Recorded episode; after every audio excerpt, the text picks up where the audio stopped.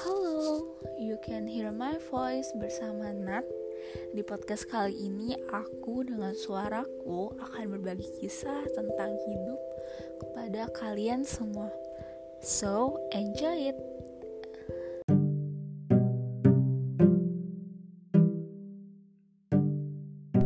Halo. Maaf ya dari kemarin aku jarang upload nih karena kemarin lagi sibuk banget urusan kuliah. Jadi ini tanggal 23 Februari aku mau buat ini. Kita akan ngebahas sesuai judul yaitu kenapa kata-kata positif bisa menjadi toxic yang biasa kita kenal dengan toxic positivity. Jadi kita nih misalnya saat melihat teman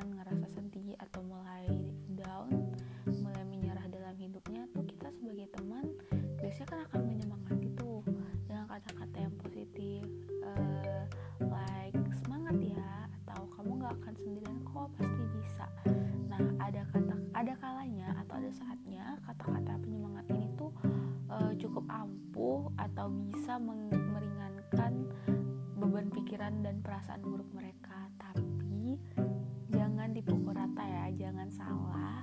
Bagi sebagian lain menganggap hal ini justru mere- membuat mereka makin merasa berkecil hati bahkan dapat memincul, memunculkan depresi. Serem nggak tuh? Nah jadi kata penyemangat ini tuh bukan berarti kita nggak butuh disemangatin ya. Pastinya kita sebagai manusia kita pasti senang dan em, kita masih senang jika masih ada teman kita yang peduli dan menaruh perhatian kepada masalah kita nih. Kadang kita tuh nggak sadar kalau seorang nggak butuh disemangatin dan nggak butuh kata-kata positif melainkan empati dari diri kita. Jadi empati ini adalah mereka tahu dan paham kalau kita dapat mengerti apa yang sedang, sedang mereka rasakan itu udah cukup gitu loh. Tanpa perlu disemangati atau tanpa perlu dikasih solusi kayak gitu. Jadi nih balik lagi pertanyaan pertama kenapa kata-kata positif bisa menjadi toksik nah jadi kata penyemangat ini tuh bisa membuat mental semakin depresi toxic positivity itu ketika seseorang terus-menerus mendorong kita yang lagi ada dalam masalah untuk melihat sisi baik dari kehidupan tanpa mempertimbangkan pengalaman yang kita rasakan dan tanpa memberikan kesempatan kita untuk meluapkan perasaannya. Nah, jadi ada seorang instruktur psikologi di Universitas Harvard yang bernama Susan David nih. Dia bilang kalau merasakan, menerima, dan tidak menyangkal emosi negatif itu sebenarnya adalah hal yang natural. Emosi yang ditekan menjadi penyebab gangguan psikis yang bisa menjadi sumber utama munculnya rasa cemas dan depresi. Hati-hati ya teman-teman. Jadi, eh, selain dari Susan, dokter Jamie Ardian, seorang residen psikiatris psikiatri di RS Muardi Solo ini menjelaskan setiap orang berhak menunjukkan emo- emosi negatif seperti sedih, jijik, bahagia, atau takut dan emosi ini tuh punya pesan tersendiri. Nah, kalau emosi-emosi itu disangkal atau dipendam terus terus menerus agar kita terlihat positif dan bahagia di depan orang-orang, yang ada emosi ini akan terus menumpuk. Nah, kemudian bisa memicu stres dan sakit psikis serta fisik alias psikosomatis. Nah, emosi yang ditekan terus-menerus ini bisa menyebabkan gangguan psikis yang paling sering terjadi adalah gangguan kecemasan dan depresi. Jadi nih aku cerita sedikit nih. Dulu waktu aku pernah punya masalah itu masalah terberat sih.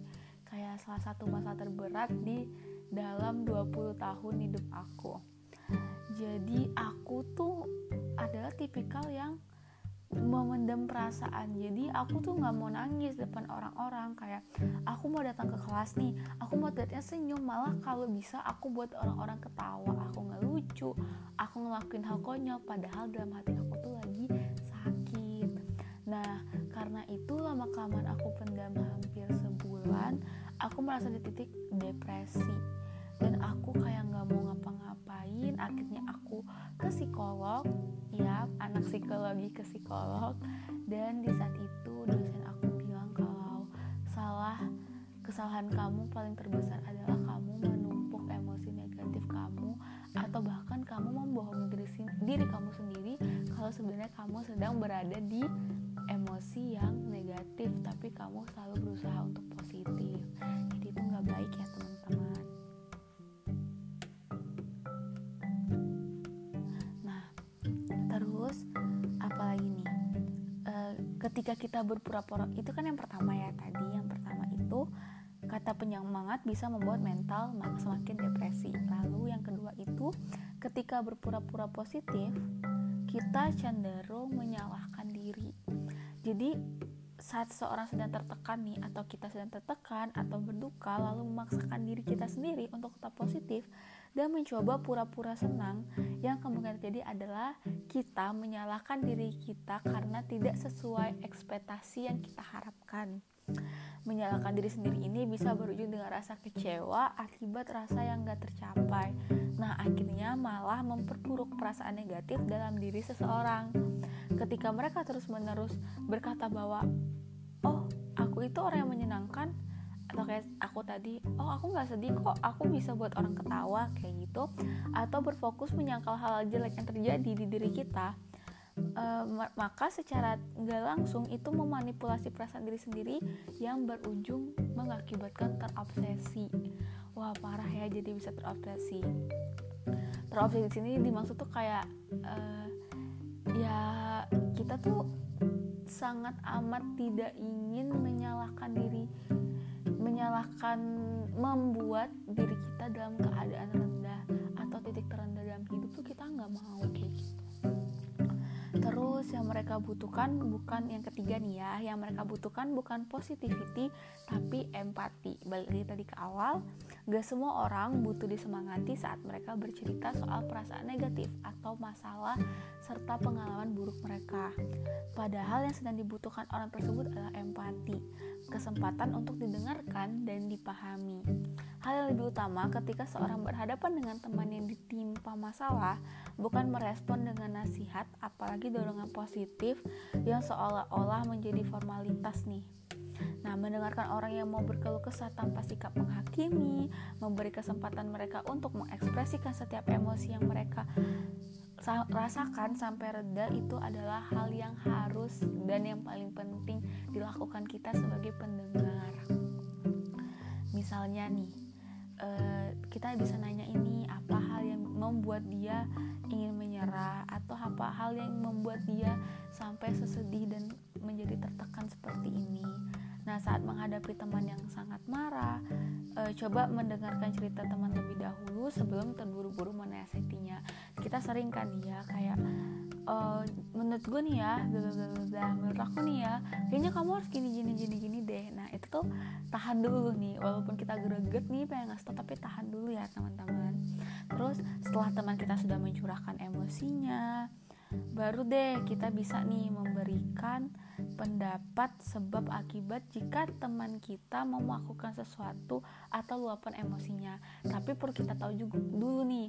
Nah kalau aku biasa teman aku curhat aku bakal nanya dari awal sebelumnya sebelum kamu curhat nih kamu maunya aku dengerin aja sampai semuanya keluar atau bisa kamu luapin atau kamu butuh solusi nih dari aku nah kalau temen aku bilang aku butuh didengerin aja kok nanti. Udah ketika dia selesai cerita kita tanya udah lega belum? Kalau dia jawab udah nat. Oh ya udah. E, boleh. Misalnya telepon atau video call boleh diakhiri panggilan tersebut. Jadi dia lebih nyaman. Jadi dia intinya butuh didengar. Tapi ketika teman kita minta solusi kita jangan langsung menghakimi atau apa. Kita bilang dari sudut pandang aku ya sebelumnya juga cerita ini kan dari sebelah pihak e, aku juga di sini bersifat netral bla bla bla dan lain-lainnya. Terus uh, nah jadi tuh uh, dari di akun Instagramnya Jimmy Rian Ar, Jimmy Ardian psikiatri Solo tadi dokter Jimmy ini kasih kita kisi-kisi nih gimana cara mengubah kata toxic positivity jadi empati Contoh ini ya, ini sangat amat penting sih. Ini bagian yang penting dari podcast ini. Jadi toxic positivity ini jangan menyerah. Itu ternyata toxic positivity. Yang biasa kita gunakan nih, tapi bisa kita ganti menjadi empati seperti menyerah itu pun kadang baik, tapi mari kita pikirkan apa target yang mungkin untuk dicapai sekarang. Lebih enak ya kedengarannya, tapi secara tersirat itu mengatakan jangan menyerah tapi tidak to the point kayak gitu loh. Terus yang kedua tetap positif kayak gitu nah itu gak boleh sebenarnya. Itu jadi toxic. Bisa kita ganti dengan ada kalanya atau ada saatnya sesuatu terjadi tidak seperti yang kita inginkan atau harapkan. Kira-kira apa kelebihan di balik hari ini atau apa kelebihan di balik sesuatu saat ini? Itu pasti ada. Nah jadi seperti itu. Jadi kita tetap ada unsur po mencari positifnya tapi dengan kalimat yang lebih ke arah empati. seperti lalu kamu kurang bersyukur sih. Itu sering banget ya kita dengerin. Terus nanti kita jawab kita bisa ganti dengan kayak wajar sih wajar kita bisa merasakan kecewa dalam keadaan ini tuh wajar banget. Nah seperti itu. Jadi jangan bilang mereka nggak bersyukur. Lalu coba keluar banyak yang lebih tidak beruntung ketimbang kamu. Wah itu nggak boleh banget ya. Kita nggak boleh membuat teman kita merasa dia lebih beruntung pada saat masalah terburuk yang pernah dia hadapi saat ini itu bisa kita ganti dengan dalam keadaan ini sepertinya sulit ya melihat banyak hal yang baik. Uh, saya saya paham kok. Nah seperti itu. Walaupun sebenarnya benar masih banyak yang kurang lebih lebih tidak beruntung tapi kita nggak boleh ngomong kayak gitu di di saat orang orang tersebut sedang di titik terendah dalam hidupnya. Lalu yang terakhir nih Allah kamu baru gitu. Aku udah pernah ngalamin lebih buruk membandingkan dia dengan pengalaman kita. Balik lagi kita nih harus tahu toleransi tiap orang terhadap satu masalah itu berbeda-beda. Bisa kita ganti dengan aku pikir kamu merasa berat saat ini ya tapi kita pernah melewatinya dan kita akan melewatinya lagi. Jadi seperti kita akan beritahu kalau pada saatnya manusia akan melewati banyak masalah dan e, masalah itu akan terlewati lalu masalah baru muncul lagi. Jadi jangan membandingkan ya. Jadi intinya nih atau kesimpulan bisa kita dapat kita hadap kita ambil nih di hari ini kita nggak bisa memilih emosi mana yang akan kita rasakan. Jika kita mencoba untuk menyangkal suatu emosi yang ada malah membebankan pikiran kita untuk berusaha melupakan itu semakin disangkal atau dilupakan akan membuat pikiran kita semakin ingat dan malah stres. Saat kamu atau temanmu merasa sedih, marah, atau kesal, luapkan saja, nikmati perasaan itu. Mental kita pun akan terbiasa dalam menghadapi situasi yang terburuk sekalipun. Jadi, kita tidak masalah untuk bersedih. It's okay to not be okay. Kayak gitu, teman-teman. Jadi, uh, sekian ya episode hari ini. Terima kasih udah yang, buat yang udah ngedengerin. Thank you. Ketemu di uh, podcast berikutnya.